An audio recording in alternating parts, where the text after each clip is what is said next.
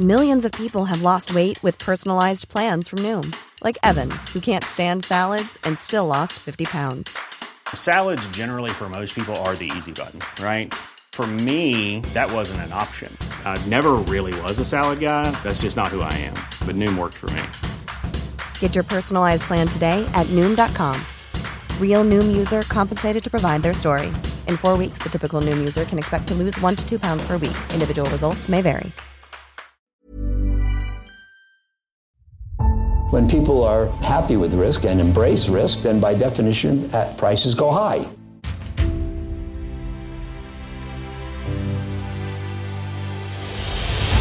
When the cycle turns down, they generally sell at prices that are far too low. This is not about getting more information. We live in a world where we have too much data.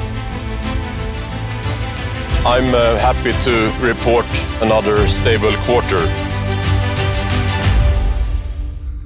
Hallå och varmt välkomna tillbaka till Aktiesnack. Det här är en podd som görs av och i samarbete med Kalkyl. Och idag så ska jag dra en del spaningar och sen ska Peter ha en intressant genomgång av Meta, före detta Facebook. Stämmer bra Magnus. Hur är läget idag Peter? Jo tack, det är väldigt, väldigt bra med mig. Lite sura och dystra börstider såklart som påverkar humöret lite men jag försöker att eh, inte lägga allt för mycket vikt vid det. Sen börjar man ju faktiskt bli ganska van vid det också. Hur är läget med dig Magnus? Jo men det är bra. Solen skiner och kan inte klaga. Det ska bli kul på det då. Mycket trevligt. Eh, Jag tänkte jag kan först börja med en eh, lite lustig grej. För förra veckan så hade jag en liten genomgång om det här med att det är energibrist och eh, inflation. Och jag varnar ju lite för att i Europa så bekämpar man detta på ett väldigt konstigt sätt. Man eh, försöker dra ner på energiproduktionen och jag sa ju också det att i många länder som det har gått åt helvete för så har man nationaliserat energiproduktion och matproduktion och slagit ner på de sektorerna. Och två dagar efter vi släppte förra avsnittet så kom Norge ut med att man lägger på en skatt på laxproduktion på 40 extra procent. Så man har sammanlagt 62 procent i skatt på att producera lax i Norge. Alltså 40% i ökning eller 40% enheter? 40 procentenheter. All right. Så det är ju rätt sjukt. Och eh, ärligt talat så fattar jag inte varför det riktigt. För det är ju ett av världens absolut rikaste länder. Och man sitter ju på sin oljefond som är det världens största investeringsfond. Jag tror det är det. Och man skulle ju kunna dela ut hundratusentals kronor till varje norrman och norska. Så att jag fattar inte varför man gör det. Det är ju negativt såklart. För att förmodligen så kommer ju då laxodlarna behöva höja priserna. När de säljer det här för att de ska få samma marginaler. Och det kommer leda till mer inflation. Finns det någon rational eh, i ett ESG-case? Alltså det vill säga om produktionen är väldigt dålig för miljön till exempel? Eller finns det någon typ av logik bakom det här? Har du läst om det? Nej, det är väl snarare tvärtom. Att det är bra med närodlad, närproducerad mat. Mm. Och lax är ju ganska miljövänlig om man jämför med exempelvis eh, nötkött och liknande. Ja. Det är därför många som är lite mer miljömedvetna är pescetarianer. Så då har vi också ytterligare ett politiskt beslut här som eh, är väldigt ologiskt med andra ord. Som är extremt jävla ologiskt. Och då börjar Mange veva. Ja, man blir ju lite jävla lack. Men eh, vad ska man göra? Nej, det är jäkligt konstigt gjort och no- framförallt någonting man inte behöver. Och man sa det i beslutet som jag läste att det här är ju Norges land man odlar laxen på. Så därför så ska vi kunna ta en mer del av kakan och ge ut till medborgarna. Men ja, det är ju jävligt orimligt egentligen. Jag kan ändå köpa lite med energi även om jag tycker det är helt fel för att det är ändå negativ miljöpåverkan. Men detta är ju bara att slå undan ben, benen på en jätteviktig näring som vi behöver just nu i Europa. Och Belgien vill ju inte vara sämre utan kom med ett av de dummaste uttalandena jag hört i år. Deras närings, eh, nej, energiminister sa förra veckan att Europas gasproblem inte beror på att det är brist på gas utan på att priserna är för höga. Och man kan ju undra varför de är för höga. Han är inte ekonom i alla fall. Nej, ingen second level thinking där. Så veckans sågning får faktiskt Belgiens energiminister och Norge dela på den här veckan. Så grattis till dem, Shots fired Magnus. som vanligt. Sen tänkte jag också köra lite follow-up på min eh, kortning av Tesla som jag berättade om förra veckan. Där har jag grävt lite vidare, hittat ett väldigt intressant Twitter-konto om man är intresserad av eh, Tesla. Troy Tesla heter han på Twitter, 80 000 följare. Och han gör egna beräkningar på hur orderboken är och eh, hur mycket han tror det kommer att ske leverans och produktion och så vidare under kvartalen. Och enligt hans beräkningar så har orderboken minskat från 504 000 bilar i juni till 355 000 bilar i september. Och då har de i och för sig levererat mer under den tiden, men netto så har ändå den organiska minskningen varit 60 000 bilar hos eh, Tesla, vilket motsvarar ungefär 10 procent. Organiska tillväxten då year on year, eller? För mellan juni och september är det inte 60 000. Jag förklarar kanske lite dåligt, men det minskade sammanlagt 60 000 om man tar hänsyn till att de har levererat mer Okej, än vad de, än vad de gjorde tidigare kvartal. ja då är jag med. Så där kommer skillnaden ifrån. Jag tycker ändå det här är lite tecken i tiden för Tesla. Det är, det är inte den här explosiva tillväxten längre till synes. Och det är fullt rimligt att det inte ska vara det som jag gick igenom förra avsnittet. Med lite av en premiumbil, det är tuffa ekonomiska tider. Det första man gör då är inte att köpa en ny väldigt dyr bil. Men kan det inte vara säsongsberoende det här mönstret också då? Att det vanligtvis då säljs fler bilar i juni än september?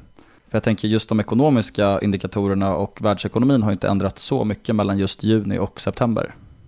Du har en liten poäng i det, men det är så lång leveranstid så att många av de här orderna gjordes för 100-200 dagar sedan. Okej, Och det är framförallt Kina där ordrarna har minskat. Och det är ganska intressant för där har det kommit från NIO till exempel väldigt konkurrenskraftiga alternativ.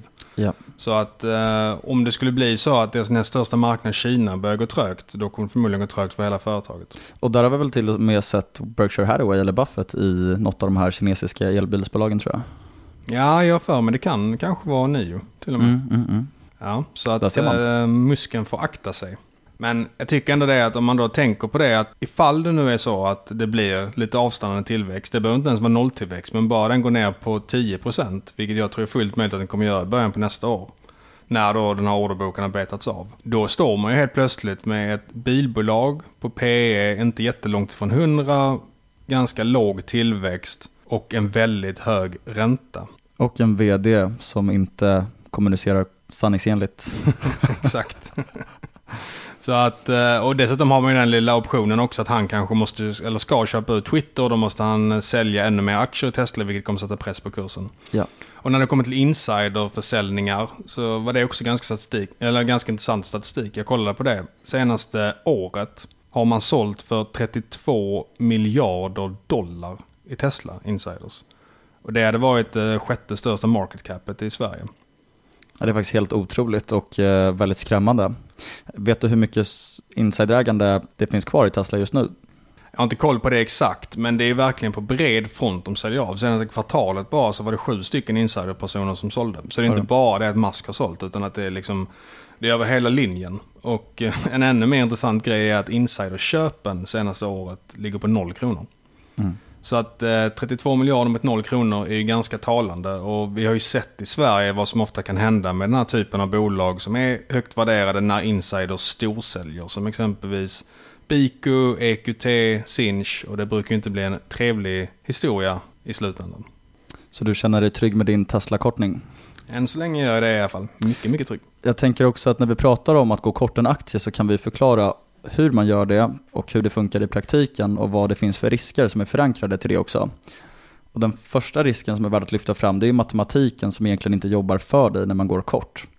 Det vill säga när du går lång en aktie så kan den ju i teorin gå upp hur mycket som helst egentligen men om du då kortar en aktie eh, så kan du faktiskt förlora hur mycket som helst. Precis som att om du går lång en aktie så kan den faktiskt bara gå ner 100% och den här matematiken jobbar då inte för dig om du har gått kort.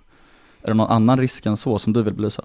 Det är ju en väldigt stor. Och sen så ett misstag som många gör tror jag det är att man kollar på värdering och säger att det här är övervärderat, därför kortar jag. Och det är en jätte, jättedålig strategi. För att allting handlar om timing när det kommer till kortning. Du kanske tyckte att Tesla övervärderat 2019, 2020, 2021. Om du då låg kort där, så som Peter säger, då har du förlorat inte 100% utan hundratals, kanske till och med tusentals procent. Det du måste få till det är timing på när det väl börjar vända ner, när du tror att sentiment vänder, när du tror att det fundamentala vänder i bolaget så att man kanske går från den här explosiva tillväxten till att den stannar av istället. Och det är då man vill komma in. Och dessutom så finns det ju en del kostnader med att korta också. Att man ofta betalar ränta på lån eller om du köper hävstångsprodukter så är det ränta på det och så vidare. Så att timing är verkligen allt när det kommer till det här och kortning är någonting man överlag ska akta sig för. Men jag tycker att just i Tesla så känns eh, caset ganska klockrent just nu. Och det du menar också med att det finns många kostnader förankrade till att korta, det är också att när du köper ett certifikat eller ett derivat hos en mäklare så kan det alltså finnas kostnader kopplade till det också. Så det är väldigt viktigt att man tittar på det innan man tar en kort position. Exakt, och där är det väldigt bra att kolla på, eh, på Nordnet. Om man handlar där så kan man trycka på en knapp se kostnadsbeskrivning på de här produkterna. Och då kan man se att liksom årskostnaden på vissa av dem är närmare 100% medan årskostnaden på andra är liksom 5%. Så det är väldigt viktigt vilket instrument du väljer. Man ska inte bara köpa blint och låta det ligga i portföljen sedan en lång tid. Och vill du förklara hur en regelrätt kortning går till i praktiken? Det går till så att man eh, säljer en aktie som man har lånat. Så det är lite krångligt att förstå när man hör det första gången. Men du tar och lånar en aktie av någon annan. Till exempel så är det här Nordnet låneprogrammet som de har så man kan tjäna några extra procentenheter eller 0,3 procentenheter per år kanske. Då kan du låna ut aktier till någon som då säljer den aktien vidare till någon annan. Och sen så får täcka den här kortningen, alltså när du ska avsluta positionen, då måste du köpa tillbaka den. Och det är därför man kan snacka ibland om att det blir en short squeeze då. För att om det väl börjar stiga mycket, då kanske det är så som vi pratade om innan det här med matematiken bakom det, att du kan förlora flera hundra procent och då, då måste man dra stoppen till slut för att det blir för stor position och för stor förlust. Och det var det som hände i de här AMC och GameStop och liknande. att Där körde de ju en short squeeze med meningen bara för att knäcka de som hade kortat. Och ju mer hundratals procent det gick upp, ju fler var det som behövde korta och man behövde då köpa tillbaka sina aktier. Så det är därför det är ganska förrädiskt, man måste förstå dynamiken bakom för att man kan bränna sig ganska ordentligt. Precis, och i synnerhet i bolag som har väldigt låg free float. Det vill säga när en liten del av de totalt utestående aktierna handlas på en marknad. Många bolag kan ju ha väldigt stort insiderägande.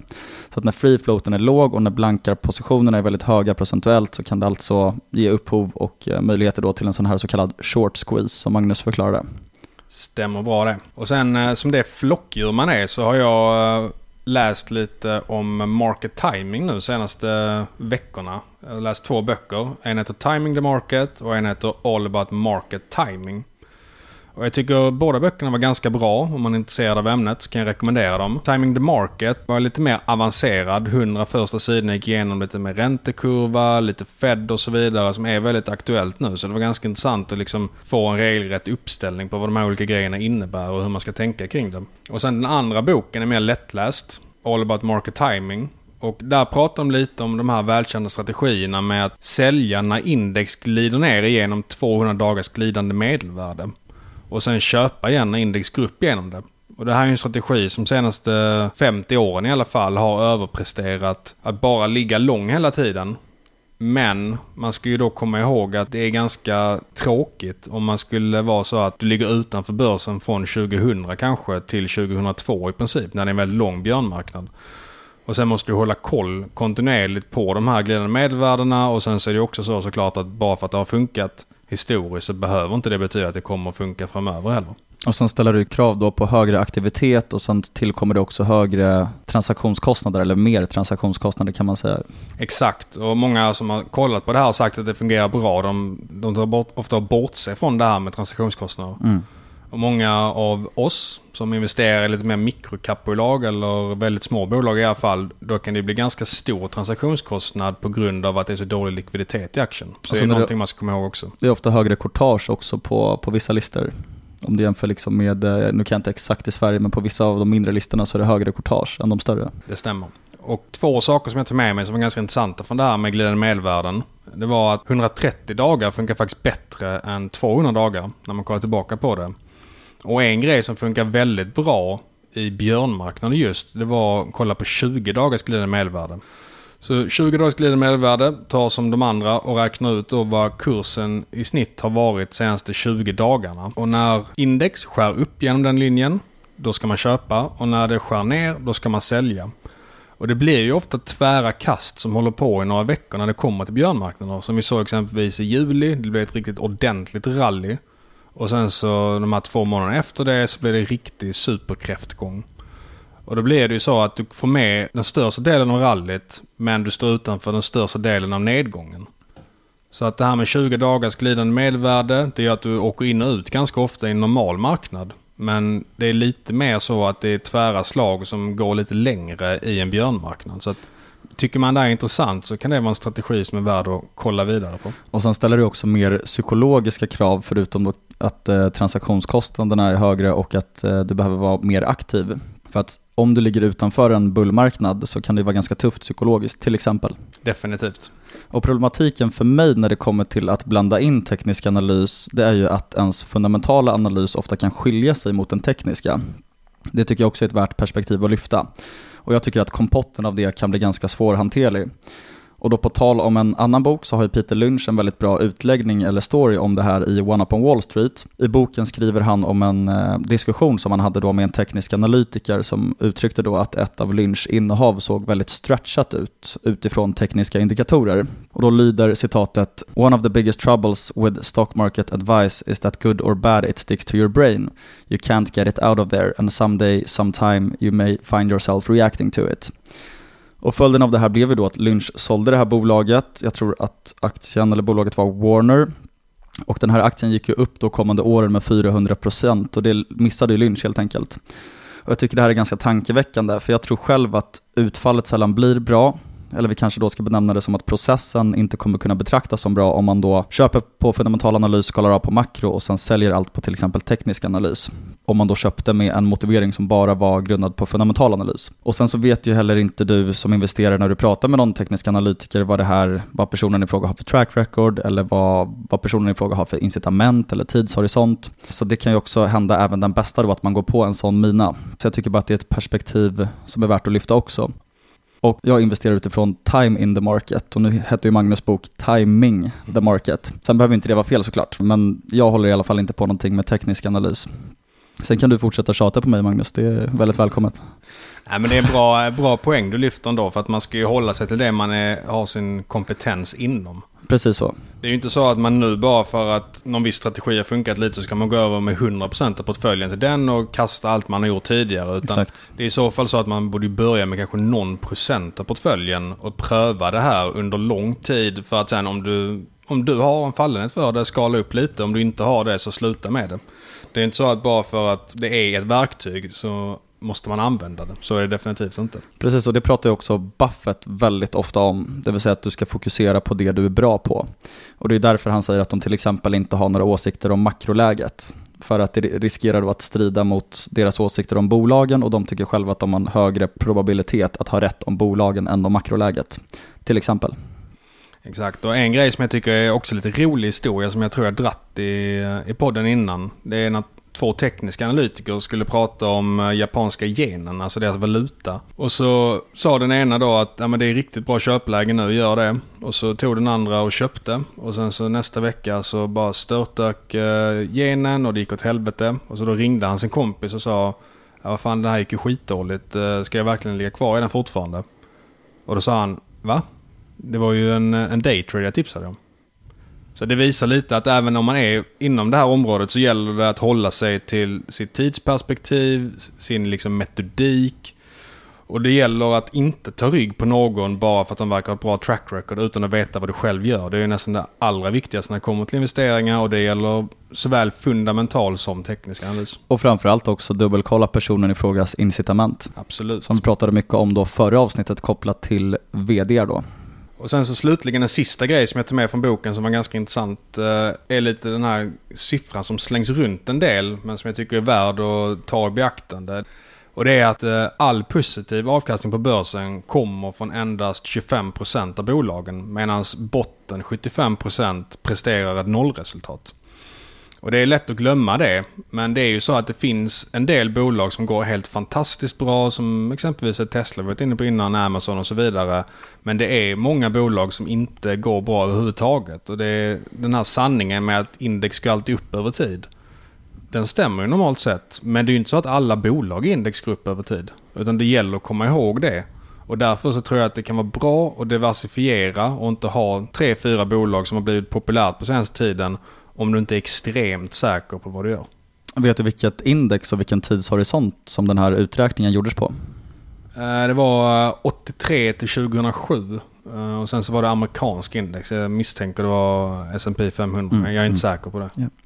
Och det går ju faktiskt också att vända på det argumentet. Alltså om nu 25% av bolagen på börsen står för 100% av avkastningen så bör det också tala för att man kanske borde koncentrera portföljen mot de allra bästa bolagen. Det är lite som Munger säger, investing is about finding a few great companies and then sit on your ass.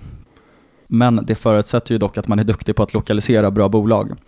Och Buffett har ju också sagt If you understand the business you don't need to own very many of them och diversification makes little sense if you know what you're doing. Men det svåra blir som sagt då det här sistnämnda, alltså hur man ska veta att man vet vad man håller på med.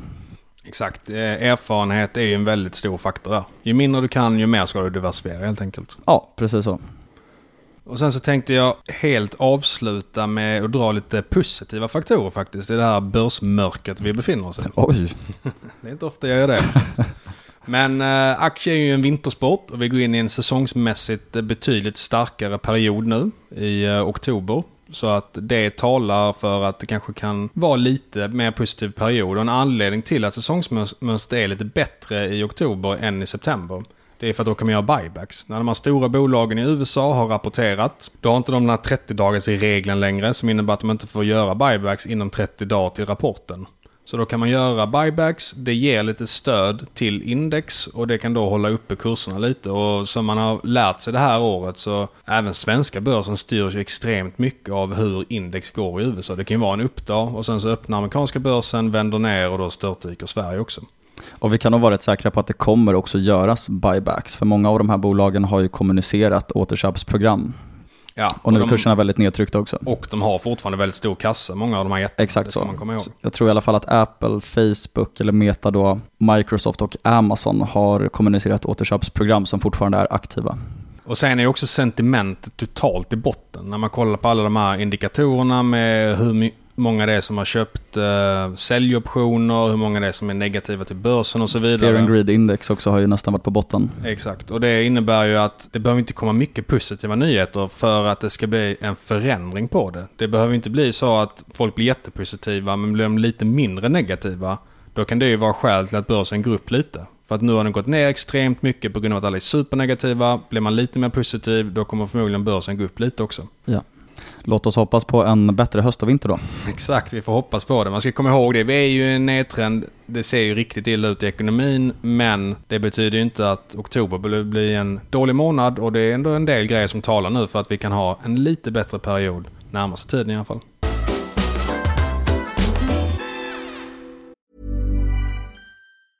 Ready to pop the question? The jewelers at BlueNile.com have got sparkle down to a science with beautiful lab grown diamonds worthy of your most brilliant moments. Their lab grown diamonds are independently graded and guaranteed identical to natural diamonds, and they're ready to ship to your door. Go to BlueNile.com and use promo code LISTEN to get $50 off your purchase of $500 or more. That's code LISTEN at BlueNile.com for $50 off. BlueNile.com code LISTEN. Burrow's furniture is built for the way you live.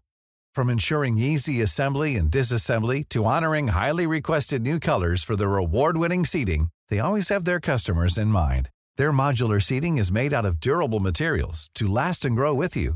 And with Burrow, you always get fast, free shipping. Get up to 60% off during Burrow's Memorial Day sale at burrow.com slash ACAST. That's burrow.com slash ACAST. burrow.com slash ACAST. Så med det så tycker jag att vi kan gå vidare till det som Peter brukar kalla det viktiga i podden när han pratar. Så då kör vi lite Facebook nu, eller Meta som det kallas. Det som alla väntat på. Exakt. Nej men jag tycker att eh, Meta, som bolaget numera heter, är väldigt spännande just nu för att aktien har kommit ner väldigt mycket. På rullande 12 så har vi P 12 för ett bolag som har växt omsättningen med 1300% och free cash flow med 1150% sedan 2013. Bolaget har ju sina utmaningar idag och makroläget är ju som alla vet också väldigt ansträngt så det är rimligt att multipeln har kommit ner från vad den brukar handlas vilket är omkring P25 som är snitt PE senaste 4-5 åren. Och för free cash flow handlas bolaget idag till 13 gånger och snittet senaste 4-5 åren är ungefär 40 gånger free cash flow. Hur som helst så är Meta ett holdingbolag som äger Facebook, Instagram, WhatsApp och Oculus bland annat. Bolaget grundades av Mark Zuckerberg när han var 19 år i ett dormroom på Harvard.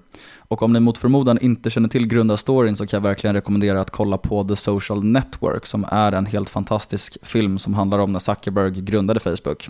Lite kul historik om Mark som de flesta nog inte känner till, det är ju att han under gymnasiet programmerade ett meddelandeprogram för hans pappas tandläkarkontor som möjliggjorde att tandläkarna då kunde chatta med varandra istället för att behöva gå runt på kontoret och fråga andra då om saker vid behov.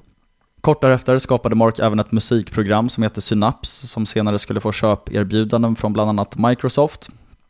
Några år senare när Mark gick andra året på college kodade han fram en mjukvara som hette FaceMash och det här skulle man kunna säga var då föregångaren till Facebook. För den här appen då, den möjliggjorde egentligen för studenter att välja vem som var mest attraktiv när två ansikten visades. Och det här gjorde ju att han faktiskt nästan blev avskedad från Harvard. Men nu valde ju faktiskt Mark själv att hoppa av studierna på Harvard bara ett år senare när han lanserade The Facebook 2004, alltså 18 år sedan. Och vad Zuckerberg och Meta har åstadkommit på de här 18 åren är ju faktiskt helt ofattbart. Idag använder ungefär 3,5 miljard människor deras tjänster varje år. Och det här är alltså över 70% av jordens internetanvändare. Bolaget värderas idag till ungefär 350 miljarder dollar på börsen och är därav världens tolfte största bolag sett till market cap just nu. Och när jag läser om de här ofantligt stora techbolagen som ofta är omkring 20-25 år gamla så tänker jag ofta på Bill Gates klassiska citat. Most people overestimate what they can do in one year and underestimate what they can do in 10 years. Och det är faktiskt värt att nämna där att Zuckerberg har gjort det här på kortare tid än vad många andra har gjort. Som säger mm. Microsoft, de har ju varit verksamma sedan 80-talet och även Amazon är ett betydligt äldre företag, även om inte det är gammalt heller. Ja, Apple tror jag också grundades på 80-talet, Amazon grundades 94, Google 98 tror jag och Facebook då 2004. Så av den här FANG-skaran då så är Facebook yngsta bolaget. Nu vet jag faktiskt inte vad, vilket år Netflix grundades. Jag tror det var tidigare också än 2004 i alla fall, början på 2000-talet. Mm. Och de Möjligt. är också mindre i market cap och intäkter än vad Facebook är. Exakt. Jag har faktiskt alltid funderat på varför Netflix är ett fangbolag. Det hör ju inte hemma där. Nej, inte egentligen. Men hur som helst så tänkte jag idag då köra en kort business breakdown där jag bryter ut de då största affärsbenen i Meta och berättar lite om de här olika tjänsterna för att sen då prata om varför bolaget är så intressant just nu ur ett investeringsperspektiv. Och då börjar ju vi såklart med Facebook, också kallad The Blue App. Och det man ofta hör i diskussioner om Facebook är ju att ingen använder den längre, men faktum är att det här påståendet är ju faktiskt helt felaktigt i ett globalt perspektiv. Det här är lite what you see is all there is, en, en sån här klassisk fallacy eller bias som Kahneman då lyfter i sin bok Thinking fast and slow. Eh, det vill säga att, då att många i Norden hävdar att appen är skräp och att många har slutat använda den bara för att den inte är lika relevant här längre. Men som sagt, i ett globalt perspektiv så är den eh, högst levande. Jag vet att till exempel Facebook Marketplace är inte jättestort i Sverige kanske. Men jag vet i Asien till exempel, där är det många som gör live-shopping. Så det nästan är som en, ett mellanting mellan typ en gameshow och Blocket. Vilket gör att det är väldigt många som är där och till och med kollar på när folk säljer grejer utan att själva köpa. Så att det finns mer grejer till Facebook än vad man kanske tänker här i Norden att det finns. Precis, jag kommer komma till det sen, att det är väldigt stort i just emerging markets, alltså tillväxtmarknader. Och jag tror att deras marketplace har en miljard månatliga användare eller någonting sånt där. Eh, men kollar vi på den faktiska datan som finns i senaste rapporten så har ju Facebook 1,97 miljarder daily active users och 2,93 miljarder monthly active users. Och det här ökade ju dessutom year on year även fast makroläget då ser ut som det gör. Det ökade dock inte jättemycket, det var 3% för DAOs och 1% för MAUs. Och det ska tilläggas också att Facebook är den enda plattformen som Meta särredovisar vad gäller antalet aktiva användare. Så för Instagram, WhatsApp och Messenger så vet vi alltså inte exakt hur många användare de har. Sen finns det ju väldigt många sajter idag som analyserar appdata så att vi kan ändå vara hyfsat säkra på, på de eh, estimaten som kommer därifrån också. Men något som är intressant är såklart hur Facebook då ska monetarisera alla de här användarna. Ads är såklart en väldigt stor del av det här. Eh, och det har ju varit kärnverksamheten eh, ja, sen start, eller sen Facebook började tjäna pengar egentligen. Men jag tror i alla fall att man kommer kunna ha en viss optionalitet så man kommer kunna tjäna pengar på andra sätt. Och det som Magnus nämnde är ju en av dem, det vill säga deras marketplace som då används av över en miljard användare. och det är då varje månad. Och jag gissar att den här typen av marknadsplats också har väldigt stor potential i det långa loppet, för vi vet ju att affärsmodellen kan ha väldigt höga marginaler, vilket vi har sett på andra då marknadsplatser. Och med skala också så blir den väldigt stickig för att det blir en nätverkseffekt som är väldigt stark. Och det här är ju precis det som eh, John Huber, en förvaltare som jag följer ganska noga i USA, han kategoriserar ju det här som en reinvestment moat. Det vill säga ett bolag då vars affärsmodell blir starkare om den blir större. Och det är då både utifrån att skapa mer värde till kunder och i termer av då starkare konkurrensfördelar. Och den här tjänsten började man faktiskt också bara monetarisera 2018, så det är fortfarande väldigt tidigt stadie. Och precis som alla andra stora bolag, inte minst FANG-bolagen, så redovisar ju Facebook så lite som möjligt. Och därför vet vi inte hur mycket intäkter den här marknadsplatsen då genererar. Och det här gör ju då bolaget troligtvis på grund av två anledningar. Det är ju delvis för att regulatorerna är ju efter de här FANG-bolagen och har varit det i några år nu. Och sen så vill man ju heller inte visa konkurrenter för mycket vad man håller på med. En annan option är ju Facebook Shops som Meta lanserade under pandemin. Och här har ju Meta ett samarbete med Shopify och det här ger ju då e-handlare möjlighet att sätta upp en egen webbshop då inuti Instagram eller Facebook. Och tanken är såklart att bygga en sömlös shoppingupplevelse inuti Metas appar som till exempel då Instagram. Här vet vi inte heller så mycket givet den blygsamma redovisningen. Men Facebook har tidigare kommunicerat att över 250 miljoner människor har i alla fall använt sig av shops. Så det intressanta här är i alla fall att, att de har en viss optionalitet som de kan bygga vidare på på den här enorma användarbasen. Och den här trenden tycker jag också är väldigt spännande. Det har jag ju pratat om i podden tidigare, det vill säga då att social media-bolag närmar sig shopping och vice versa. Och det var en trend som verkligen sattes igång på allvar i och med Apples iOS 14-uppdatering då som försvårade för bolag som använde sig av tredjepartsdata som till exempel Meta. Vad, vad innebär det mer exakt? Det handlar om att fler aktörer då inom big tech kommer nu försöka bygga stängda ekosystem för att slippa vara beroende av andra spelare då när det kommer till datatillgång och datahantering. Så att många verkar vilja gå från exposure till att både exposure plus köp sker på en och samma plattform. Och då har vi till exempel Instagram Checkout, Google Shopping, Apple Pay och Buy with Prime och jag tror att e-handelsjättar såsom Amazon och Mercado Libre, C-Limited, JD.com i Kina, de är nog bäst positionerade för digital ads härifrån. Givet att de äger då hela kundresan själva. För Google klarar sig också faktiskt bra gentemot den här förändringen eftersom de till stor del äger mätningen inhouse via Google Analytics, Android, Chrome som då är industristandarder. Eh, så Googles tredjepartsdata är egentligen förstahandsdata.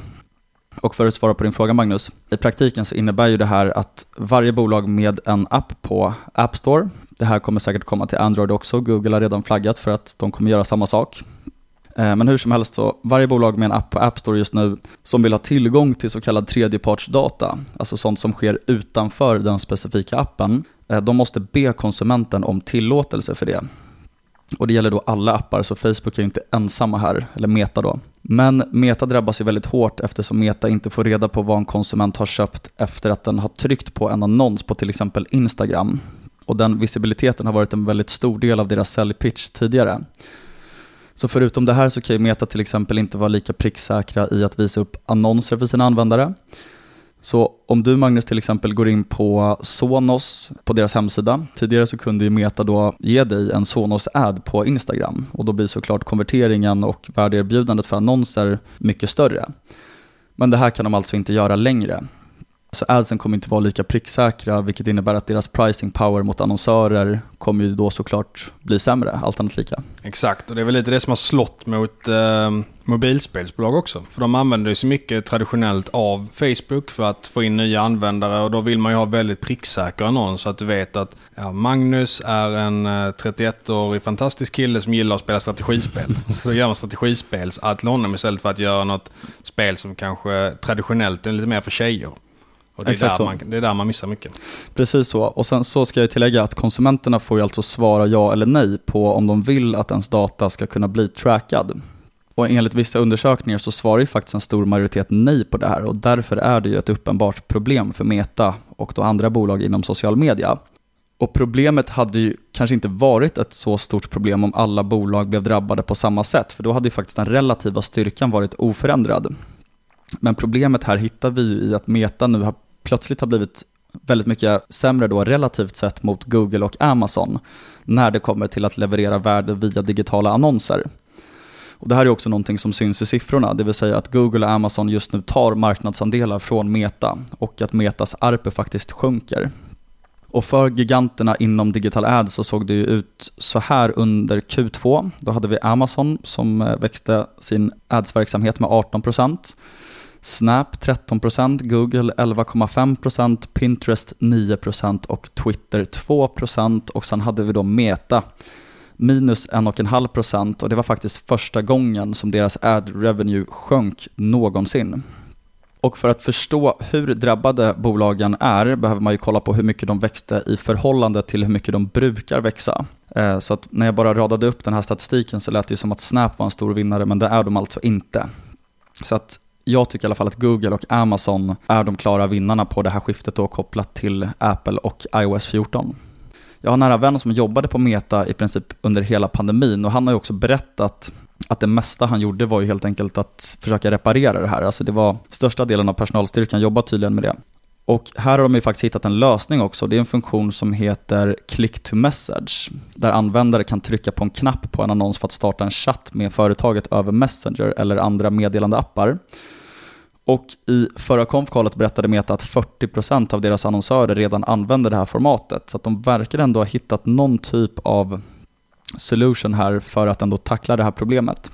Det kommer jag ihåg att jag använde för ett tag sedan. Det är ganska bra också. För att ofta kan det vara att du öppnar upp en chattbubbla och sen så glömmer du bort den. Men om du öppnar det på Facebook, då kollar du Facebook kontinuerligt. Så glömmer du inte bort den, chatten kommer vara kvar i din eh, telefon eller på din data för alltid även om du då stänger ner den här andra fliken så att säga. Precis, sen så är det ju också, det är en helt annan säljstruktur såklart. Alltså problemen som jag radade upp tidigare kvarstår ju. Det vill säga att de har fortfarande inte data på om du går in på, på Sonos eller vad du nu gör. Men de kan, har i alla fall ett annat sätt att ha kontakt med kunder och ge bra kundservice. Och vidare till Instagram då. Meta köpte Instagram för en miljard dollar 2012 och det var också någon månad innan då sin egen IPO. Och den här prislappen ifrågasattes väldigt mycket vid tidpunkten för Instagram hade faktiskt bara 30 miljoner användare och hade aldrig omsatt en krona och jag tror att det var typ 8 eller 10 pers som jobbade på Instagram vid tillfället. Men nu är det faktiskt många som hävdar att Instagram kanske är världens bästa förvärv någonsin.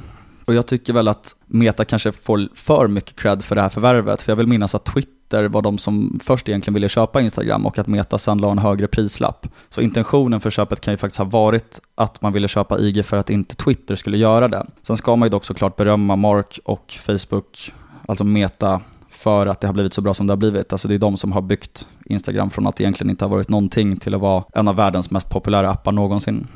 Och den exakta siffran för hur många monthly active users Instagram har är såklart Meta hemlighetsfulla med. Men som jag sa tidigare så rapporterar de ju väldigt, väldigt lite, precis som till exempel Amazon. Men ett par siffror som är ganska beskrivande för IG är att över 70% av användarna är yngre än 35 år. Snittpersonen använder appen över 30 minuter per dag och användarbasen är ungefär 50-50 mellan kvinnor och män.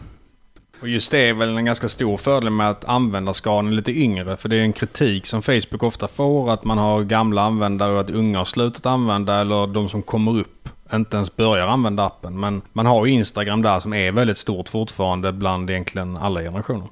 Precis, och det är ju framförallt the blue app som folk egentligen menar då. Så det blir lite konstigt att ge metakritik för det när de har så många olika appar. Så att jag håller helt med dig, alltså det är såklart en styrka i att man har en ung generation användare. Eh, och med de här siffrorna så är ju Instagram den viktigaste tillgången i hela Meta-koncernen. Sen har vi då WhatsApp och eh, Meta köpte den här chattappen 2014 för 22 miljarder dollar. Och det var ju faktiskt ett av världens största techförvärv någonsin vid den tiden. Och vad som är extremt spännande med WhatsApp är att appen är väldigt populär i emerging markets, alltså utvecklingsländer. Och där är ju då mobiler och internetuppkopplingen oftast lite sämre, vilket då passar perfekt för en väldigt simpel chattapp. Och det som är intressant här också, det är att av den dryga miljarden användare som appen har idag så är ungefär hälften, eller hälften befinner sig i Indien och någonstans runt 100-150 miljoner i Brasilien. Det här är två väldigt stora länder som också är tidigt i sin digitala S-kurva. Och där har man också nyligen lanserat möjligheten att betala och föra över pengar direkt i appen som heter WhatsApp Pay. Och det här spekuleras ju lite om att WhatsApp då ska ha potential att bli som WeChat är i Kina, alltså Tencent superapp. Och det är alltså en superapp där du kan göra i princip allting som hela den kinesiska befolkningen har. Alltså man kan betala med QR-kod, du kan boka taxi eller Uber eller Diddy heter det faktiskt i Kina. Du kan göra i princip vad som helst och sen så är det också den här sociala förankringen i appen också då. Sen tycker jag väl själv att den här liknelsen är lite långsökt. Bara för att man kan chatta på WhatsApp så har de ju faktiskt extremt långt kvar till att bli någonting som liknar WeChat. Hur som helst då så är ju WhatsApp en väldigt spännande option för att de har så pass många användare då återigen. Och sen det sista affärsbenet som jag tänkte lyfta idag, det är då Oculus. Och alla som hänger med i gaming, gamingvärlden känner ju redan till Oculus vid det här laget. Men alla vet kanske inte att Facebook köpte bolaget 2014 för 2 miljarder dollar. Oculus är ju den ledande aktören inom VR-headsets, idag främst avsedda för då gaming och i viss mån film. Och min eh, vän då som jag nämnde tidigare som jobbade på Meta under pandemin har ju berättat att anställda på Meta bland annat kan jobba med virtuella tangentbord med hjälp av Oculus. Och det här betyder ju alltså att det inte finns något fysiskt tangentbord överhuvudtaget. Så att man har alltså på sig ett sånt här headset och sen så kan man sitta och smattra med fingrarna i luften. Och det sagt så kan det faktiskt bli ett riktigt coolt ESG-case här. Det vill säga om man kan byta ut viss hårdvara helt och hållet. Och samma sak gäller såklart för virtuella möten. Det vore såklart jätte, jättebra för planeten om vi nästan helt kunde sluta resa i affärssyfte. Det vill säga om virtuella möten då via Oculus skulle kunna ge en snarlik upplevelse. Man kan få en sån liten Obi-Wan Kenobi i Star Wars istället, ett hologram som kommer fram. Ja men det är ju lite, det, det är lite Zuckerbergs eh, vision skulle man kunna säga. Jag har lyssnat en del intervjuer och sådär och just nu så pratar han ju också i princip bara om det här. Så det är ju en, en ganska kraftig rebranding som de har gjort. Hur stor del av eh, personalstyrkan nu är vi i detta? Det är ganska stor nu.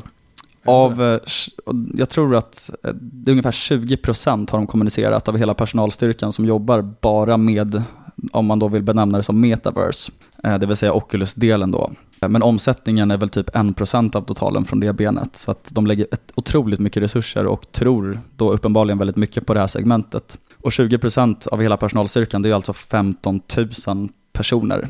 Men det här är ju det som faktiskt, ja, det har säkert många hört också, att det, det är det här som brukar kallas för metaverse. Och vill man ha en annan exponering mot det här så kan man ju alltid då köpa Amazon också för att de är Key Cloud Provider till eh, Meta faktiskt. Så det blir lite hackar och spadar play på metaverse. Men exakt vad Oculus och Metaverse ska bli på sikt är idag väldigt svårt att säga såklart, men det är ju en spännande option. Eh, sen tycker jag ju faktiskt att det är lite otäckt när bolag tvärvänder som Meta då har gjort här med rebrandingen till att byta namn från Facebook till Meta. Zuckerberg pratar bara om Metaverse och det här benet. Så det skulle kunna indikera att någonting lurt är på gång. Det skulle till exempel kunna ha att göra med att han vill undvika den här regulatoriska pressen som har legat på Meta väldigt länge. Eh, och sen så kanske det säger också lite om hur deras kärnverksamhet går. Det vill säga att Mark Zuckerberg har förstått att de måste göra en radikal förändring för att fortsätta helt enkelt vara ett framgångsrikt bolag. Det kan ju ofta vara en liten varningsflagg när bolag antingen gör förvärv som inte riktigt har med kärnverksamheten att göra eller ställer om ordentligt. Och man säger ju alltid att det är av positiva anledningar men det kan ju vara som du säger att kärnverksamheten inte går lika bra. Precis, det har vi pratat om tidigare också när Netflix kommunicerade att de skulle börja med gaming till exempel. Och då såg vi ju bara ett halvår efter det så uh, gick det väldigt mycket sämre för deras core business. Så det, det kan ofta vara en bra indikation. Det var, det var egentligen exakt samma med, med Meta nu ju. Det vill säga när de började prata om Meta och Metaverse och gjorde sin rebranding så tog det inte många kvartal innan alla de här eh, sakerna som vi har pratat om, alla problem, att de realiserades i faktiska siffror. Nej, det är sant. Och sen tänkte jag prata lite om Zuckerberg då och management och han äger ju 15% av bolaget och har dessutom över 50% av rösterna. Så det är riktigt, riktigt saftigt med skin in the game för ett så stort bolag. Och det sjuka är att han fortfarande bara är 38 år gammal, så vi kan ju också räkna med att han kommer sitta kvar bakom ratten i ganska många år. En kul side-note som är väldigt talande för hur dedikerad Mark har varit sedan dag ett, det är ju storyn om när Yahoo 2006 då, som var en riktig internetgigant, la ett monsterbud på Facebook om hela en miljard dollar. Och Mark tackade nej till budet som 22-åring och då hade ju Facebook bara 30 miljoner dollar i omsättning. Så att Mark då, 22 år gammal, vågade tro på sin vision tillräckligt mycket så att han redan innan styrelsemötet sa “We are obviously not going to sell here”. Det känns ju ganska galet på alla sätt. Även om nu utfallet faktiskt har blivit väldigt, väldigt positivt. Han känns väl ändå som en, eh, ett regelrätt geni om man ska vara helt ärlig. Jag tror han hade alla rätt på SAT-provet. Vilket är typ Mm. så en på 10 000 eller något sånt. Och de som tar SAT-provet är ju mer intelligenta än uh, genomsnittsbefolkningen. Så att Mm. det säger ändå en del. Ja, det säger, säger väldigt mycket skulle jag säga. Och sen ah, de här häftiga storiesarna som jag berättade om, alltså han har ju en entreprenöriell anda liksom. Eh, men efter, i alla fall efter en kort tid så, så testade Viacom med en och en halv miljard, de fick också ett nej. Fyra år senare så försökte faktiskt Microsoft köpa Facebook, fick också nej. Eh, så Mark är i alla fall i mina ögon en väldigt duktig långsiktig företagsledare som då borde placeras i samma kategori som Daniel Ek, Bezos, Jobs och så vidare. Och sen så har vi också de här saftiga återköpen som indikerar att han primärt också faktiskt vill skapa aktieägarvärde och att han vet hur man skapar aktieägarvärde. Och de här återköpen är faktiskt en stor anledning till att aktien då är så pass spännande just nu. I kombination med den här låga värderingen också såklart. Som sagt så handlas ju aktien till 13 gånger free cash flow på rullande 12 just nu och Meta har ju också sjösatt ett enormt återköpsprogram. Och det viktiga med det här det är också att man faktiskt ser att de både kan och vill skapa aktieägarvärde. Och att Meta själva då tycker att aktien är för lågt värderad med tanke på hur mycket aktier de återköper. Och något som är väldigt tryggt för en befintlig ägare det är att man kan ju faktiskt veta med sig då att en nedgång i aktien är ju faktiskt bra för, för att återköpsprogram, det fastställs alltid i antalet dollar. Så att om kursen blir lägre så kan de ju återköpa en större del av bolaget, vilket då är bra för befintliga ägare. Det är ju någonting som är väldigt värt att ha med sig till alla bolag som gör återköp just nu och har en ganska fin kassa. Att det blir ju som du säger mer värt ju mer kursen går ner. Precis så. Och i Q3 2021 så annonserade Meta en ökning av återköpsprogrammet då med 50 miljarder dollar. Och då hade de 8 miljarder dollar kvar att återköpa från det tidigare. Och i förra kvartalsrapporten så kommunicerades att det var 24 miljarder dollar kvar på återköpsprogrammet och det är ungefär 7% av bolaget. Och jag antar att de kommer faktiskt kunna fortsätta återköpa aktier väldigt länge med tanke på hur lönsamt bolaget faktiskt är. Och tittar man också på Buffett så har ju många av hans historiska affärer varit just bolag som har börjat återköpa aktier. Och då har vi till exempel Washington Post, Geico, Coca-Cola, Amex. Kommer du på något mer? Nej, inte på rak arm med Buffett Mm. just. Sen tror jag dock att beroendeställningen till Apple kanske gör att Buffett då inte tycker att Meta är ett intressant play för honom då. Men det återstår att se. Och på tal om ägare då så är några intressanta observationer också att Li Lu, som har ägt Meta väldigt länge, han förvaltar ju en del av Charlie Mungers kapital. Han sålde faktiskt hela sin stake i Meta under Q2. Pat Dorsey som många uppskattar, han har ju också länge haft Meta som ett av de största innehaven i Dorsey Asset Management. Just nu är 15% av den noterade portföljen allokerat till Meta, så han är fortsatt lång där. Och för att summera caset så har vi ett bolag som har växt omsättningen med 1300% som sagt senaste 10 åren ungefär och free cash flow med 1150%. Och värderingen är som sagt 13 gånger free cash flow idag ungefär. Och man återköper också väldigt, väldigt mycket aktier just nu. Och sen så har man ju också, eller man verkar ha kommit en bra bit i att tackla den här iOS-förändringen. Och sen så investerar de också i flera tillväxtinitiativ och de växer faktiskt fortfarande den här enorma användarbasen. Och det bör ju också kunna medföra en hel del optionalitet. Och på det här då som jag nämnde tidigare så har vi också väldigt bra ledarskap med otroligt mycket skin in the game och till och med soul in the game skulle jag säga för det här är verkligen Zuckerbergs life's work. Och så kan vi också vara säkra i att Zuckerberg faktiskt försöker skapa aktieägarvärde som inte då minst manifesteras då i buybacksen. Och det sagt så tror jag faktiskt att Meta-aktien kan ha nått någon typ av botten snart och att den skulle kunna uppvärderas. Och det finns ju som sagt uppenbara risker men jag tycker att de känns ganska inprisade. Det sagt så äger jag inga aktier i Meta. men jag tycker att det är väldigt spännande att följa det just nu. Är det att det inte är tillräckligt bra eller är det att dina bolag är fantastiska i övrigt? Eller? Ja, allt handlar ju alltid om alternativkostnad såklart, så att uppenbarligen så tycker jag att de som redan finns i min portfölj är ännu mer spännande. Sen tycker jag väl att just metaverse och den här enorma tvärvändningen är lite osäker fortfarande för att de, har ju, de ska lägga så otroligt mycket resurser på metaverse. Jag tycker att det är lite väl svårt att greppa vad det ska bli på lång sikt. Ja, det blir ju ganska mycket en play att tro på Zuckerbergs vision eh, nu i Meta känner jag. Mm. Som ofta då så blir det ett play på management ja. Exakt så.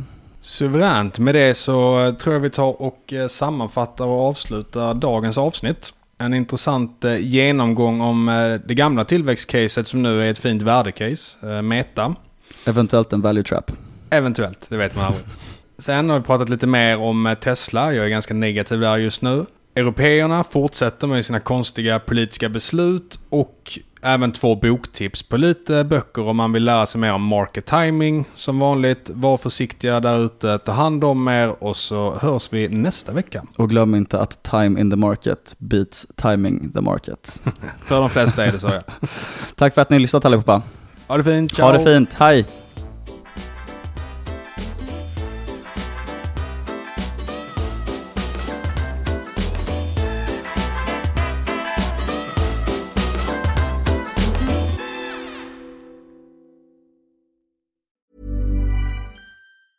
Mom deserves the best, and there's no better place to shop for Mother's Day than Whole Foods Market. They're your destination for unbeatable savings, from premium gifts to show-stopping flowers and irresistible desserts. Start by saving 33% with Prime on all body care and candles. Then get a 15-stem bunch of tulips for just $9.99 each with Prime. Round out Mom's menu with festive rosé, irresistible berry chantilly cake, and more special treats. Come celebrate Mother's Day at Whole Foods Market.